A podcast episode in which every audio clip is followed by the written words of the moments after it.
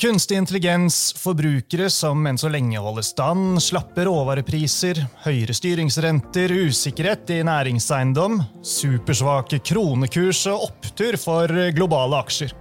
Har jeg husket alt? Sikkert ikke, men eh, dette er i hvert fall ting som har preget årets seks første måneder. I denne episoden skal vi gjøre opp status for de ulike delene av finansmarkedene og diskutere utsiktene for høsten 2023.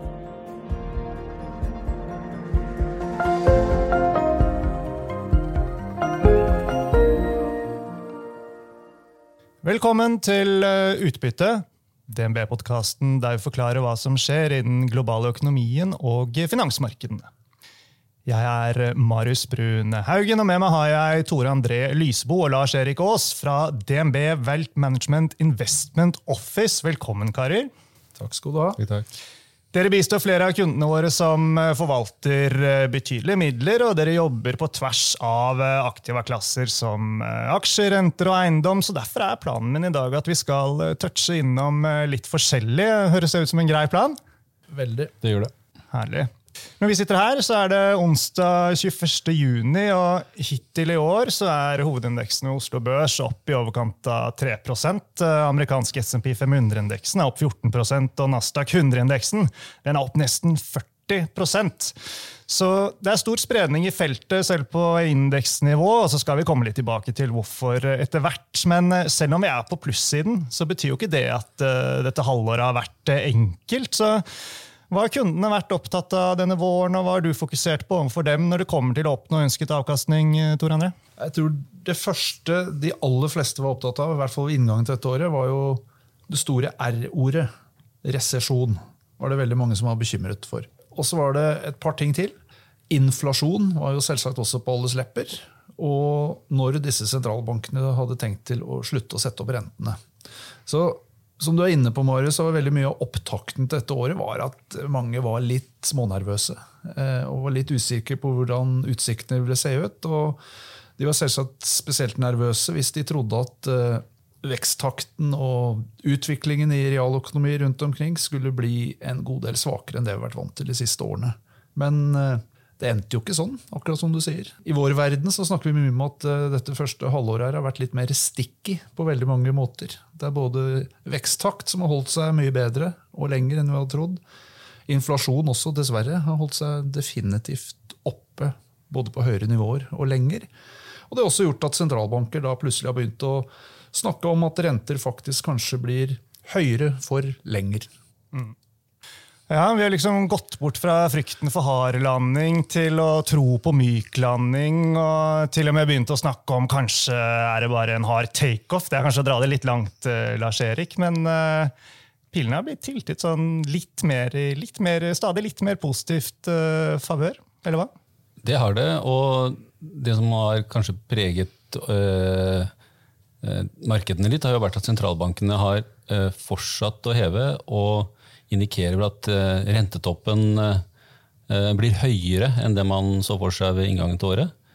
Jo, men vi venter jo fortsatt på det signalet at det skal snu. Da. Så det, det er Rundspørringen jeg så fra NHO om norske bedrifter, var jo at de var veldig skeptiske til tiden som kommer. Så ser, du kan si det sånn at du hvis du ser ut av vinduet og kjører bil, så ser det kanskje ok ut, men det er, det, er, kanskje litt mer tåkete der fremme. da. Så, mens markedene ser ut til å ture på, egentlig. Det er spennende tider.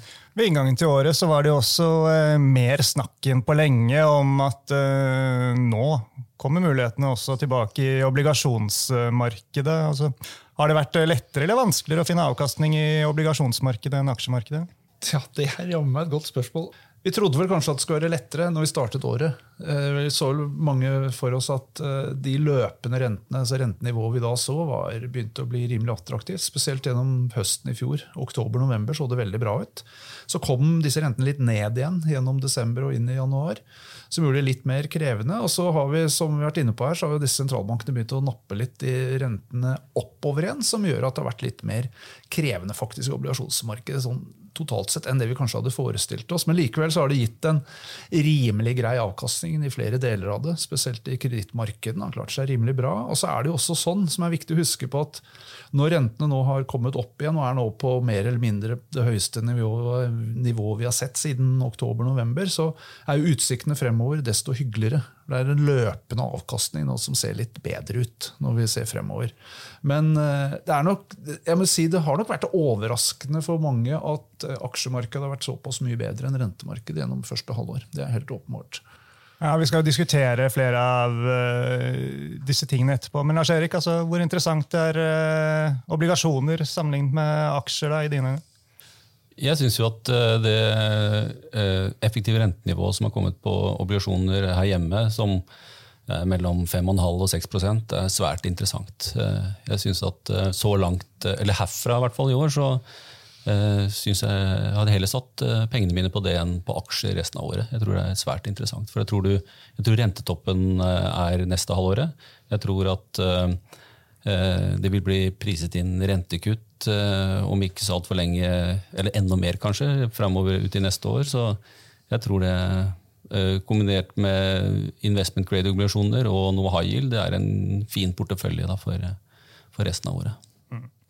Aksjestrategen eh, her på huset, Paul Harper, han kjenner både dere og eh, lytterne godt. Han er vel det nærmeste vi kommer en fast eh, deltaker her i Utbytte. Jeg hadde han innom studio i går, og her skal vi få høre hans oppsummering av første halvår.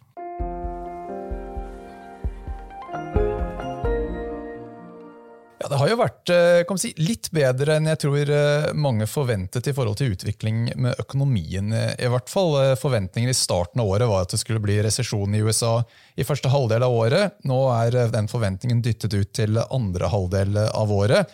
Og jeg tror ikke vi kan helt utelukke at dette er noe som kan skyves enda litt mer på ut i begynnelsen av neste år. Så den delen har egentlig gått eh, kanskje litt bedre enn en mange forventet. Vi har kanskje vært litt mer positiv til eh, makrobildet generelt. Men når det gjelder utvikling i aksjemarkedet, så har det vært sånn ganske todelt, vil jeg si. Bra for vekstaksjer, eh, forholdsvis bra for uh, mye innenfor shipping, men det er ganske tungt for energi og, og råvarer. Så når vi ser på Oslo Børs totalt sett, så er den opp sånn ca. 3 målt i kroner. Sammenligner vi det med lange renter, så hadde du tjent eh, rundt 4 hvis du hadde kjøpt TLT-ETF-en f.eks. Så du tjente litt bedre i renter enn du, gjorde i aksjer eh, hvis du bruker de amerikanske langrentene som en benchmark eh, der. Regner du om avkastning på Oslo Børs inn i kroner, så er du ned 5% så da blir den relative avkastningen enda litt bedre i renter. Men alt i alt sånn greit nok, vil jeg si. Det har vært et liksom vanskelig makro-bakteppe, dette her. så det at de i det hele tatt er litt, litt, i pluss i kroner, tror jeg er egentlig helt uh, ok. Ser vi på utvikling i Norden, så uh, er det egentlig litt samme bilde her. Ganske sånn todelt marked der også. Syv av elleve sektorer hvis du ser de, de elleve største sektorene, er uh, i minus. Men av de sektorene som er i pluss, så finner vi bl.a. helse og industri, som er de to sektorene som veier tyngst på indeksen. Så Nordiske aksjer opp eh, underkant av 5% så størrelsesorden pluss-minus det samme som eh, avkastning i, eh, i, lange renter. Så det er også egentlig helt greit, vil jeg si. Um, ser vi litt på det store bildet der, så begynte året med marked som var priset ganske dyrt har ikke egentlig vært de helt store endringene i mellomtid. Neste mater er ned et par prosent, renten er omtrent der det var eh, fra før av. Så vi er fortsatt dyrt, helt marginalt dyrere enn det var i starten av året, men eh, alt i alt ikke de helt store endringene på det.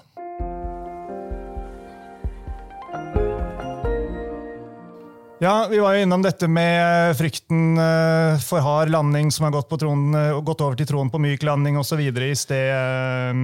Lars Erik, så er spørsmålet, da. Blir det resesjon i USA i andre halvår, eller holder det kanskje enda litt til? Eller blir det ikke noe resesjon å snakke om, egentlig? Det er vel det som er Det er mange tusenskronerspørsmålet, tror jeg. Det er vel vanskelig å svare på. men vi, jeg forventer ikke at du skal sitte med fasit. Det gjør jeg ikke. Men det vi, vi, tror jo at renten virker. da. Så vi tror at effekten av pengepolitikken, den vil vi se. Eh, hvor, om det er blitt strammet til for mye, det vet vi ikke. Men det er jo gjerne sånn at når man merker det at det strammes til, så er det fortsatt noen flere renteøkninger som skal eh, skylle innover økonomien. For det tar litt tid. Hvis det tar, tar seks til ni måneder til at pengepolitikken virker, så har vi ennå ikke sett effekten av de siste renteøkningene. Så jeg tror det, sentralbankene har en del utfordringer for å få det her til å fine-tune det helt. da. Men er det, liksom, er det rimelig å anta at eh, rentetoppen i USA blir nådd i andre halvår i 2023? Altså, sånn som jeg hørte den eh, amerikanske sentralbanksjefen Powell eh, på pressekonferansen etter forrige rentemøte, så eh, var han jo veldig tydelig, da, i hvert fall i det han sa, på at Rentene kan fort bli holdt høyt lenge, de, hvis ikke dataene, særlig i forhold til jobbmarkedet i USA, viser tegn til nedkjøling.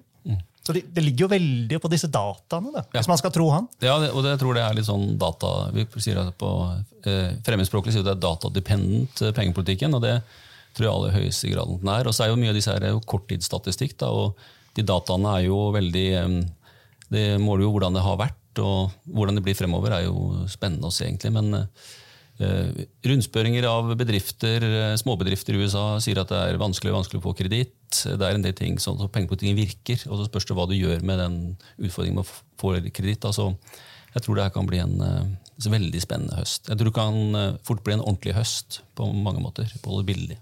Nei, hvis vi skrur det litt tilbake til uh, aksjer, eh, Tor André. Jeg snakket innledningsvis om at uh, Nasdaq har outperformet eh, Oslo Børs, så det synger eh, i år. Men eh, hvis man liksom ser på det på litt lengre sikt, så er det jo greit å huske på at eh, det er 10% igjen til all time high for eh, SMP 500 og Nasdaq 100-indeksen, men det er bare 4 igjen til toppen for eh, hovedindeksen ved eh, Oslo Børs. Ja, jeg tror det er en god eh, illustrasjon av hvor vi er hen, faktisk. Og jeg tror man skal også huske at den oppgangen vi har hatt hittil i år, spesielt i USA, er i stor grad drevet av det vi kaller multiple ekspansjon. Inntjeningen har egentlig ikke steget noe særlig i det hele tatt. Det er veldig mye at vi er villige til å betale mer per krone disse bedriftene tjener, enn det vi gjorde for et halvt år siden. Og den situasjonen eh, har vi jo vært i tidligere. Men det er klart det at eh, som vi er inne på her, hvis vi kommer inn i en høst der hvor det kan bli litt mer krevende, og at usikkerheten rundt hvordan pengepolitikken faktisk påvirker inntjeningsutsiktene i disse bedriftene, så skal man nok kanskje være litt mer varsom enn det man vanligvis er. Eh, Og i den sammenheng er det også verdt å merke seg at veldig mye av det som har drevet både Nasdaq spesielt, men også SMP, er jo et relativt fåtall av selskaper som er i teknologisektoren, som vi vet, og drevet spesielt av en sånn AI som kanskje er en hype.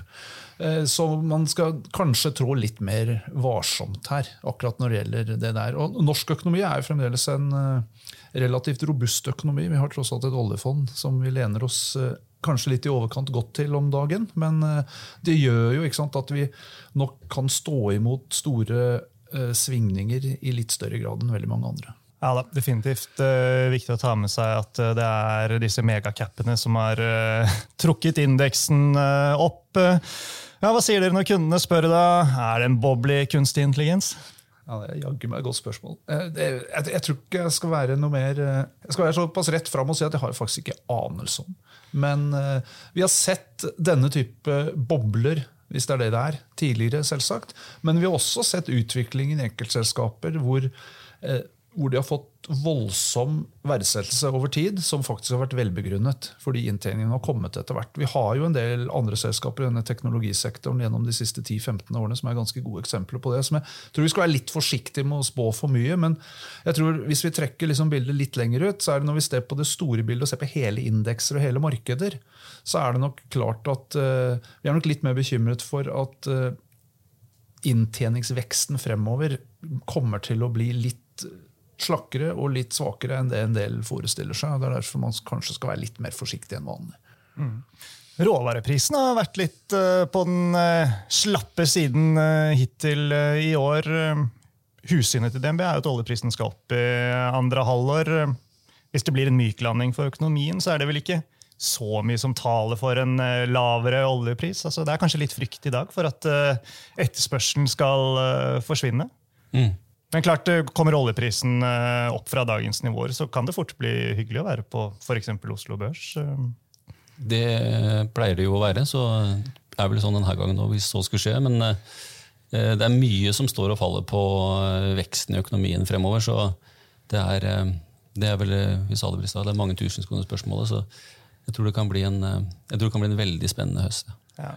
Vi hopper jo litt frem og tilbake her, men en annen ting vi må innom, det er den svake norske kronen. Eh, det har det jo gjort det har gjort det ekstra hyggelig å være investert i fond som handler internasjonale aksjer. Men det er klart det skaper jo hodebry eh, for investorene også. Eh, det kan jo hende det blir en Vi sier ikke at det blir det, altså, men det kan jo hende at det blir en reversering her. Altså, Hva sier dere til kundene, og, og hvilken camp er dere i når det gjelder årsaker til den svake kronen?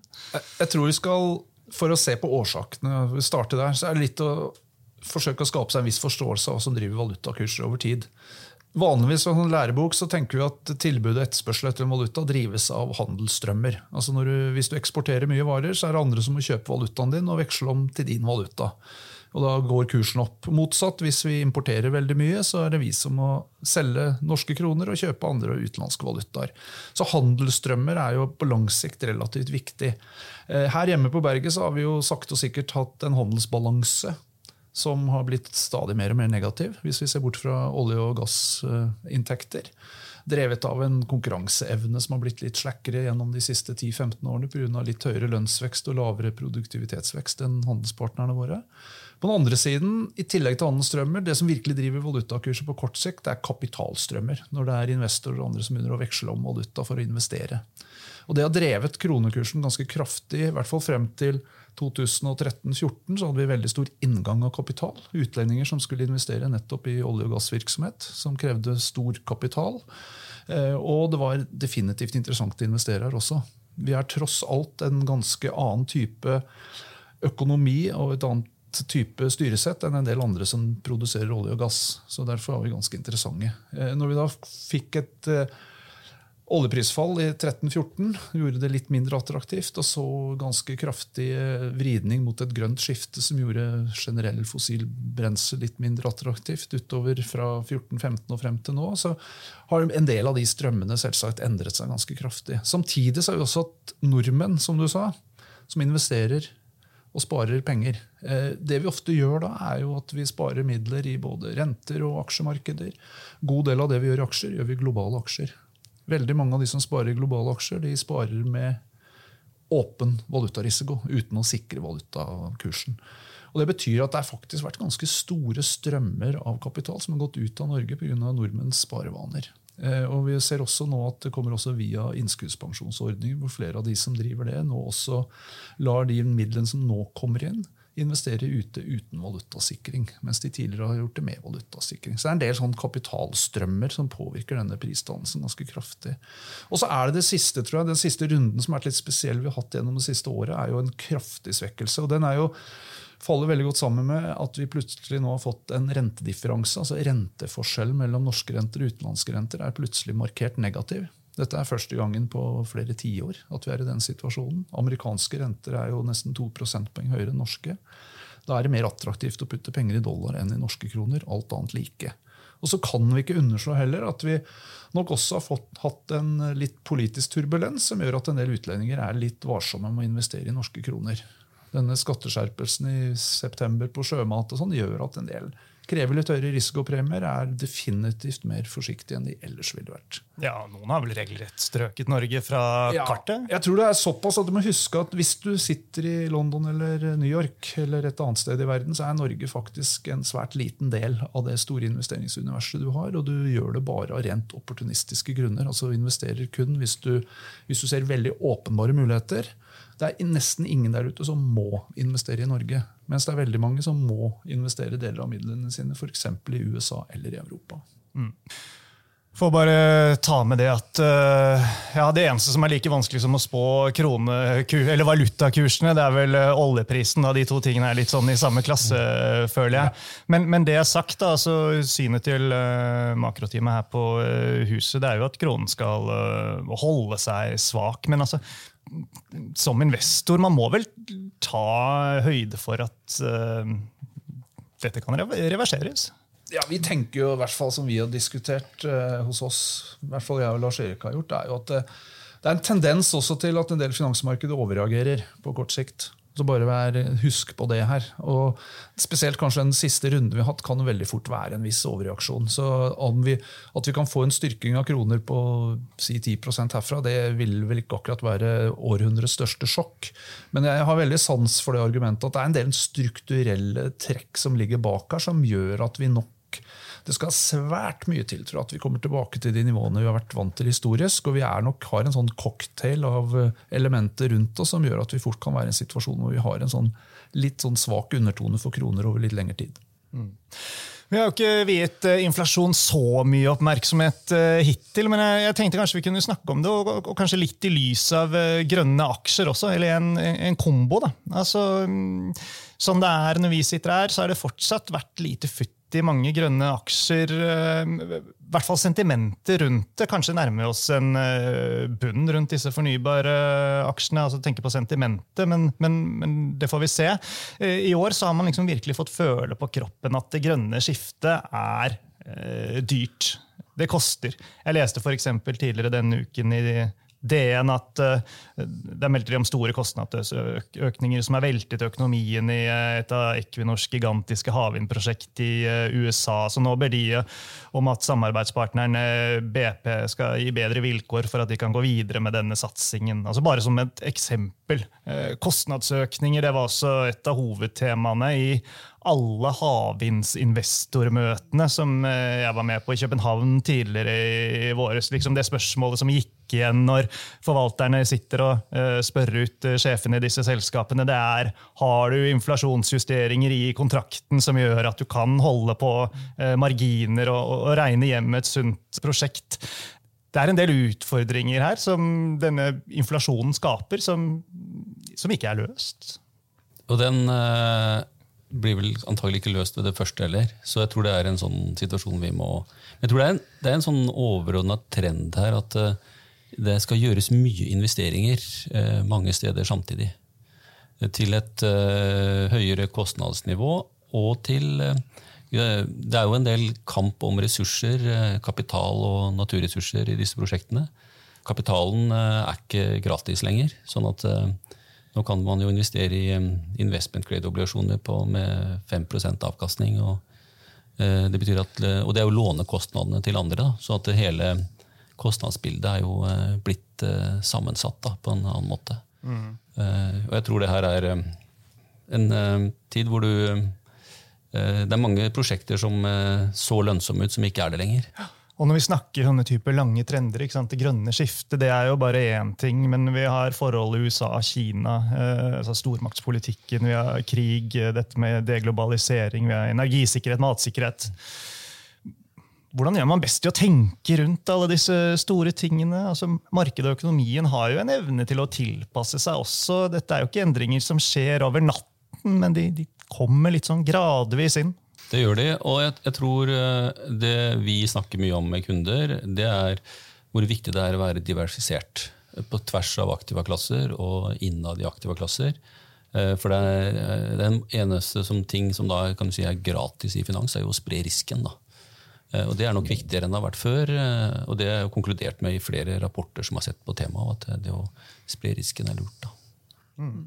Jeg leste oljefondsjef oljefondssjef Nicolai Tangen han ble referert til i et avisintervju. Jeg tror det var i Sverige denne gangen. var det det? Dagens Industri, hvis jeg husker riktig. Da sa han det at geopolitikken den er, liksom, den er bekymringsfull. Altså pekte på forholdet mellom USA og Kina, problematikken rundt Taiwan, mm. kappløpet om teknologien og, og, det som skjer innen kunstig intelligens, som vi touchet innom tidligere i episoden. Uh, disse tingene er sånn som er med på å øke konfliktnivået mellom uh, verdensmaktene. og Det er klart det er en sånn risiko som henger der, da. men det er ikke så mye man kan gjøre med. Nei, det er ikke så mye man kan gjøre med det, men det er, det er veldig viktig å være oppmerksom på at den er her, og den er her i mye mye større grad enn det den har vært på svært mange år. Eh, vi må nesten tilbake til slutten av 80-tallet for å se noe lignende. Så dette er lenge for mange. Veldig mange som ikke har opplevd det overhodet. Eh, og det den gjør med oss, sant, er jo at eh, risiko Finansmarkedene de fungerer jo vanligvis sånn at de priser risiko over tid. Så hvis risikoen øker, så forsøker vi å ta oss betalt for det. Så det du også er inne på her, at uh, når vi skal begynne å flytte ressurser, f.eks. at det er snakk om onshoring, flytte virksomheter ut av enkeltområder inn i andre, så er det jo relative priser i markedene som ofte gjør at dette er lettest mulig å få til. Og Det betyr at vi kan få ganske store prisforskjeller mellom forskjellige typer av varer og tjenester mellom land. og Mye større enn det vi har vært vant til. Og Alt dette her gjør i sum til at det er litt vanskeligere faktisk også for bedrifter som skal ta investeringsbeslutninger, og vite helt hvordan verden ser ut der fremme. Alt gjør at usikkerheten blir større. Og det vi i hvert fall har lest og vet fra tidligere og veldig mange empiriske studier, at all denne type usikkerhet kan også gjøre at selve investeringslysten og takten kan bli litt lavere enn den ellers ville gjort. Det kan ha noen innvirkninger på veksten også over tid. Mm. Så det er verdt å ha et bilde og et begrep litt rundt det, men akkurat som du sier, Marius, det er ekstremt vanskelig å vite eksakt hva man skal gjøre her. Eh, det er ikke lett, og vi vet jo etter den runden i Ukraina når russerne invaderte der. Hva som skjedde med russiske aktiva, f.eks. Det det er liksom et helt annet type geopolitisk bilde som ligger bak, som mye, kan få mye større konsekvenser på kort sikt og også på lengre sikt enn det vi har forestilt oss på lenge. Så Det er i hvert fall noe man må ha ganske godt opp i bakhodet. Og Lars Erik er jo inne på det. Det mest åpenbare svaret vi har fra sånn ren finansteori, er å diversifisere seg. men uh, man skal jaggu meg være bevisst også på hvilke type aktiva man tar i fremover. Mm. Skal vi ta det litt eh, ned igjen, til noe eh, litt mer eh, konkret? Yes. Jeg, jeg lovte jo at vi skulle hoppe frem og tilbake mellom alt der, så jeg er en mann av mine ord. altså. Ja. Eh, næringseiendom er interessant. Eh, det har vi fått merke denne våren. Det har vært et tema. Det har det vært en stund, men særlig, særlig hos svenskene, men, men, også her i Norge. Eh, hva tenker dere rundt det nå, i lys av at uh, rentene fortsatt skal uh, videre opp? Kanskje skal de være lengre over tid? Det er mye som skal refinansieres. Ja, helt riktig. Jeg sier ikke mer. Nei, det tror ikke vi trenger å si så. Jeg overlater til deg, Tor André. Ja. Jeg tror uh, det skal refinansieres, og vi tror også vi står midt i en periode hvor det skal reprises. Det er egentlig det vi står og ser på PT. Vi forvalter også et par eiendomsfond internt i banken, som vi ser det veldig tydelig fra. Uh, og uh, det er ganske mange aktører som merker finansielt stress etter hvert som disse refinansieringene begynner å rulle på. Vi har allerede sett en god del tidligere prosjekter og syndikater som jo må hente egenkapital. Nettopp fordi refinansieringen begynner å bli ekstremt krevende.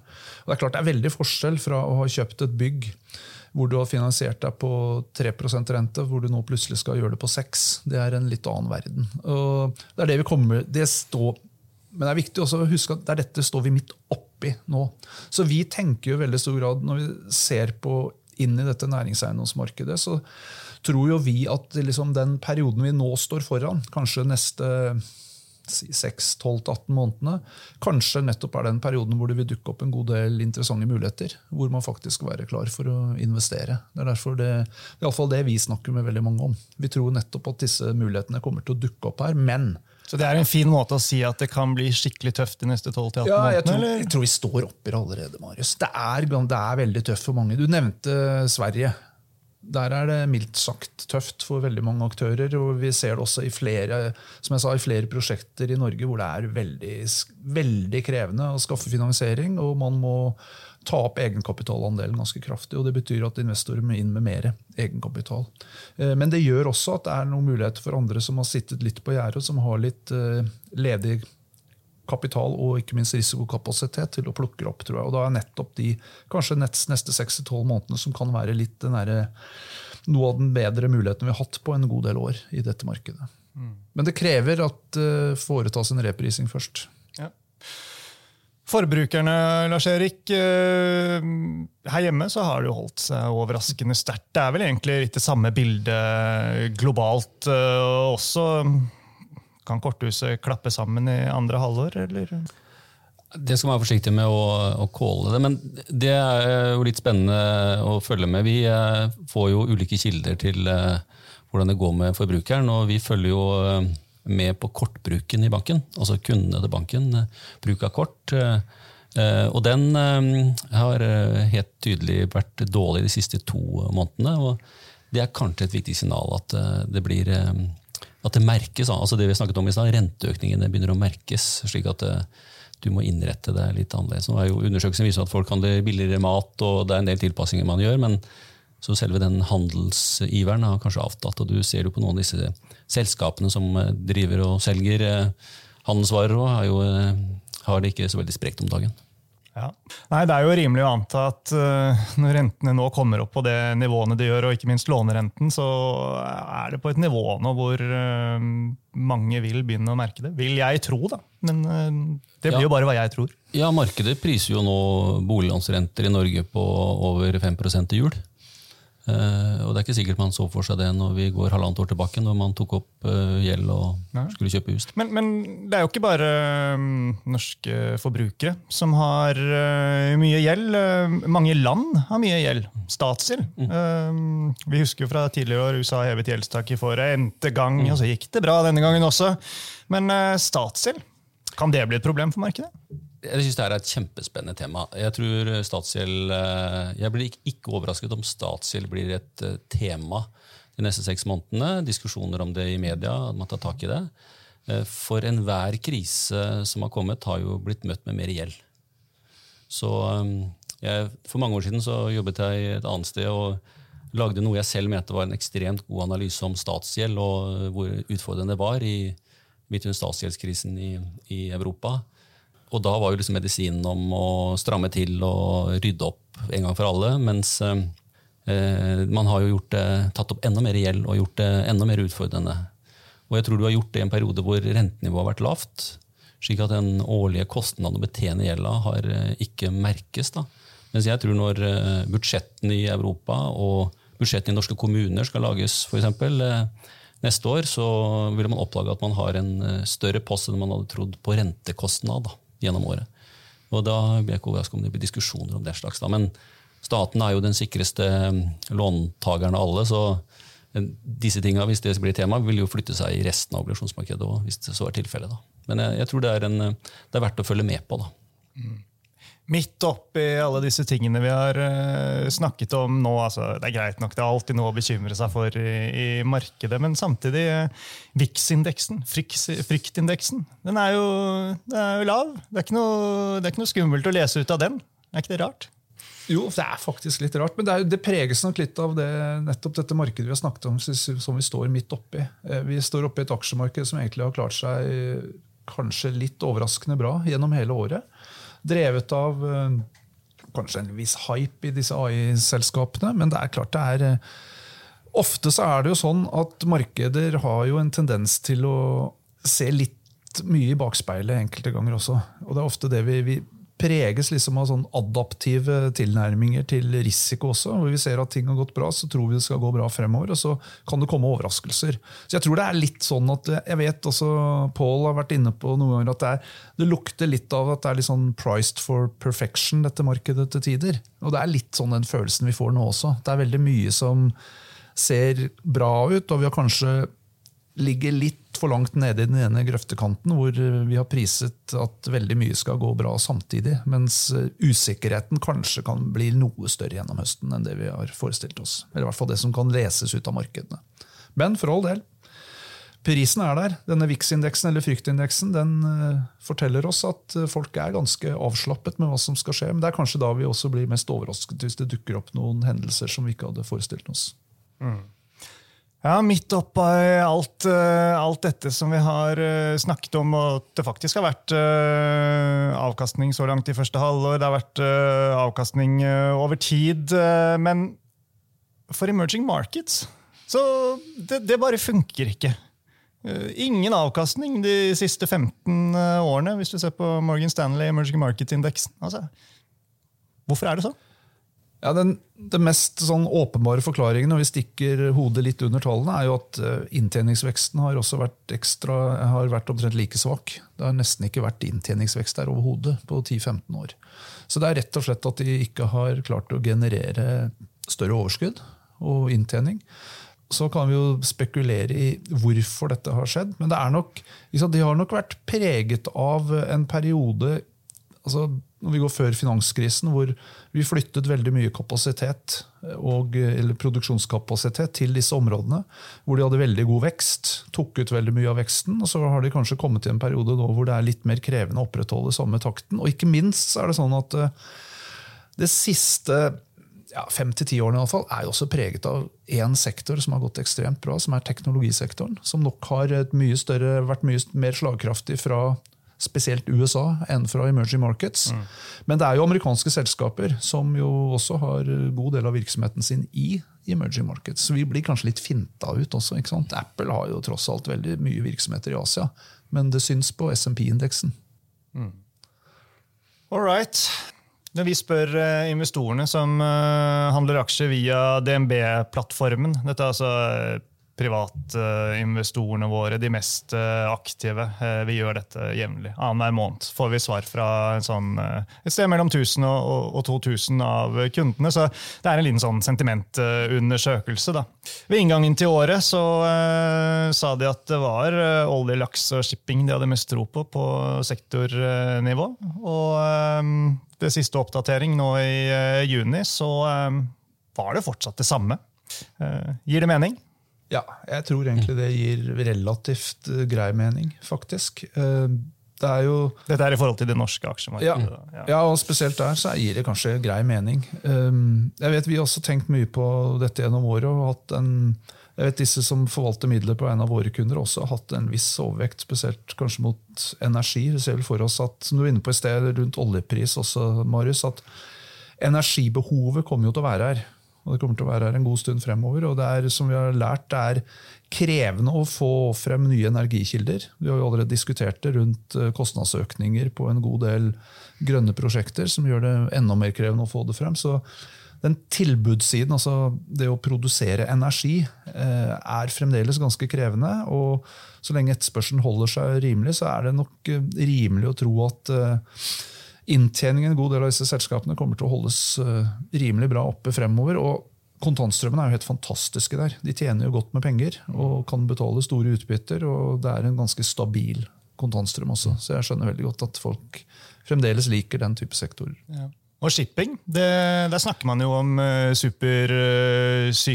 Uh, Analytikeren her på huset, sikkert flere andre analytikere rundt omkring, er jo stort sett positive til det meste, ikke alt, men de fleste av segmentene i eh, shipping. Eh, og det, dreier seg jo om at eh, det er begrenset med flåtevekst. Verftene rundt omkring er fulle. og det er vel særlig når du ser på tank og bulk, så er tilbudssiden veldig begrenset. Og så har du andre segmenter hvor kanskje du må være villig til å tro på litt på etterspørselssiden også. Men eh, ja, shipping. Fortsatt spennende. Ja, jeg tror det er helt riktig, og jeg tror tilbudssideeffekten er helt vesentlig her. som du er inne på. Det er faktisk vanskelig å bygge ny kapasitet. og Som Lars Erik var så vidt inne på her i sted. Husk på når vi tar, Hvis vi ser dette i litt større sammenheng, så er vi i en verden hvor vi skal foreta store investeringer på tvers av ganske mange sektorer og bransjer etter hvert. i eh, et med et grønt skifte i, som et bakteppe. Det betyr at ressurser skal anvendes rundt omkring, og det betyr at det også er ganske stor sannsynlighet for at vi fortsatt får mangel på disse ressursene. og Det betyr også at det er vanskeligere å få frem tilbud av de fleste andre typer varer uten at det må betale for det. Så derfor så disse tilbud, De Eh, bransjene og sektorene hvor det er tilbudssideproblematikk, det kan vi fort se kommer til å vedvare litt lenger. Nettopp fordi vi driver og fyrer opp med så mye krutt på investeringssiden nesten overalt i økonomiene. Og dette er et globalt fenomen. Det har ikke så veldig mye med Norge å gjøre. Ja, ja. Nei, men Skal vi prøve å konkludere, da, dere? Eh, om enn kanskje ikke veldig bastant. altså vi sa jo innledningsvis liksom, vi skulle snakke litt om hvordan, og det er jo det vi har prøvd å snakke oss frem til. Da, men hvordan, eh, hvordan blir investeringshøsten 2023? Og før dere skal få eh, oppsummere, så skal vi høre Påls eh, refleksjoner i forhold til aksjemarkedet, og hva han tror markedet vil fokusere på til høsten.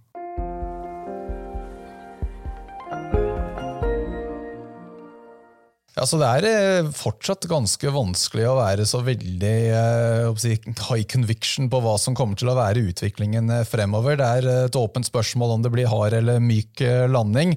Vi tror kanskje myk først, men at det er egentlig en slags utsettelse av en hard landing, heller enn at du skal glede deg til tre-fire år med syklisk oppgang etter det. Så Vi syns det fundamentale bildet fortsatt ikke gir deg noen sånn veldig god betaling for den risikoen du tar i markedet, med at pris prising er relativt dyrt, eh, etter eh, vår mening. Det kan godt hende at det blir egentlig noe lignende det vi så i første halvdel i forhold til totalavkastning. For vi ser for oss eh, heller litt nedsiderisiko i inntjeningsestimater enn oppside. Samtidig som at hvis det blir en myk landing, så tror jeg ikke rentene skal noe særlig ned herfra. Så igjen da, jeg tror ikke markedet egentlig blir noe, noe særlig billigere basert på endring i inntjening og, og, renter. Og da er det egentlig litt vanskelig å satse på at du skal få noe voldsom prisoppgang med det som eh, fundamentalt eh, bakteppe. Skal det bli et større korreksjon ned, så tror jeg du trenger egentlig noe som begynner å ligne litt mer en hard landing. Et eller annet som gjør at inntjeningsestimatene faller ganske kraftig. Jeg tror ikke liksom noen 2-3% ned på, på, inntjening kommer til å være nok til å skape noen noe store endringer i, eh, i forventningene rundt uh, utvikling på, på, børsen. Men det er nettopp det at hvis det da dukker opp et eller annet uventet, så er risikoen veldig skewed på, på nedsiden, uh, tror jeg det er. Så det er litt sånn at går det bra, så kan børsen gå litt opp. Går det dårlig, så kan det falle ganske mye herfra. Så jeg syns egentlig ikke den risk-reward-balansen er noe spesielt uh, attraktiv. Så vi mangler en uh, trigger til å eventuelt uh, trekke markedet ned. Så det kan godt hende at dette går egentlig helt greit en stund til, men jeg syns man skal være litt, litt forsiktig. at da når du ikke får noe veldig godt betalt for den risikoen man tar, så skal man heller ikke ta stor risiko.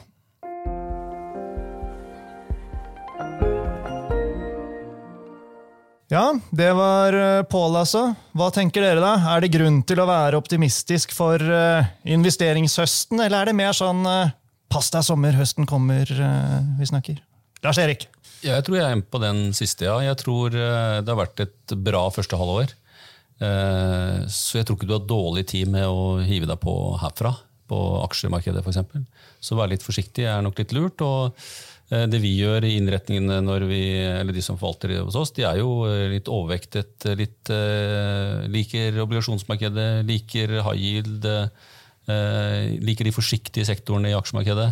Så vi er liksom Vi er vel klare for at det skal være litt volatilitet og svinge, og at du, du kan dra utnytte av at rentene var kommet betydelig opp, da, som kan gi deg en bra avkastning på totalporteføljen så langt. Da. Mm. Tor André?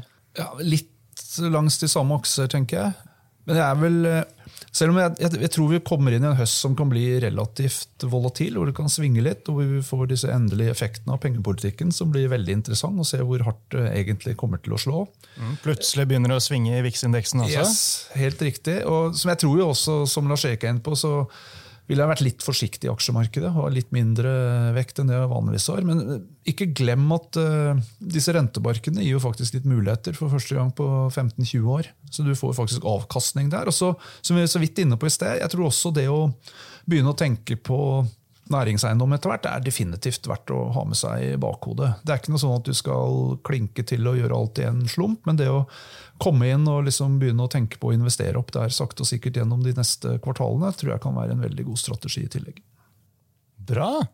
Det ble jo en uh, skikkelig lapskausoppdatering, det her. Men uh, du vet hva de sier, når en lapskaus er uh, god, da jeg vet ikke hvem som sier det, men Nei da. Vi får uh, runde av mens leken er god. Jeg syns dette var veldig gøy. Uh, tusen takk for at dere tok dere tid til å komme inn i studio og gi oss en oppdatering uh, før sommeren. Og sist, men ikke minst, tusen takk, folkens, til alle dere som fulgte med.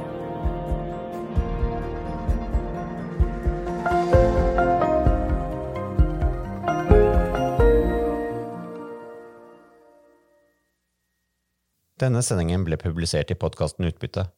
Innholdet i sendingen er å anse som markedsføringsmateriale fra DNB og er ment å være generell spareveiledning. Sendingen skal ikke oppfattes som et tilbud om å kjøpe eller selge finansielle instrumenter, eller som investeringsrådgivning tilpasset den enkelte investors situasjon.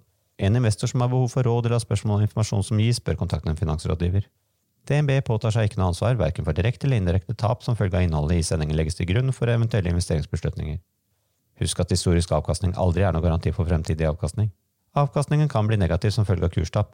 Bruk av prognoser for å beregne fremtidig avkastning er heller ingen garanti for fremtidig avkastning.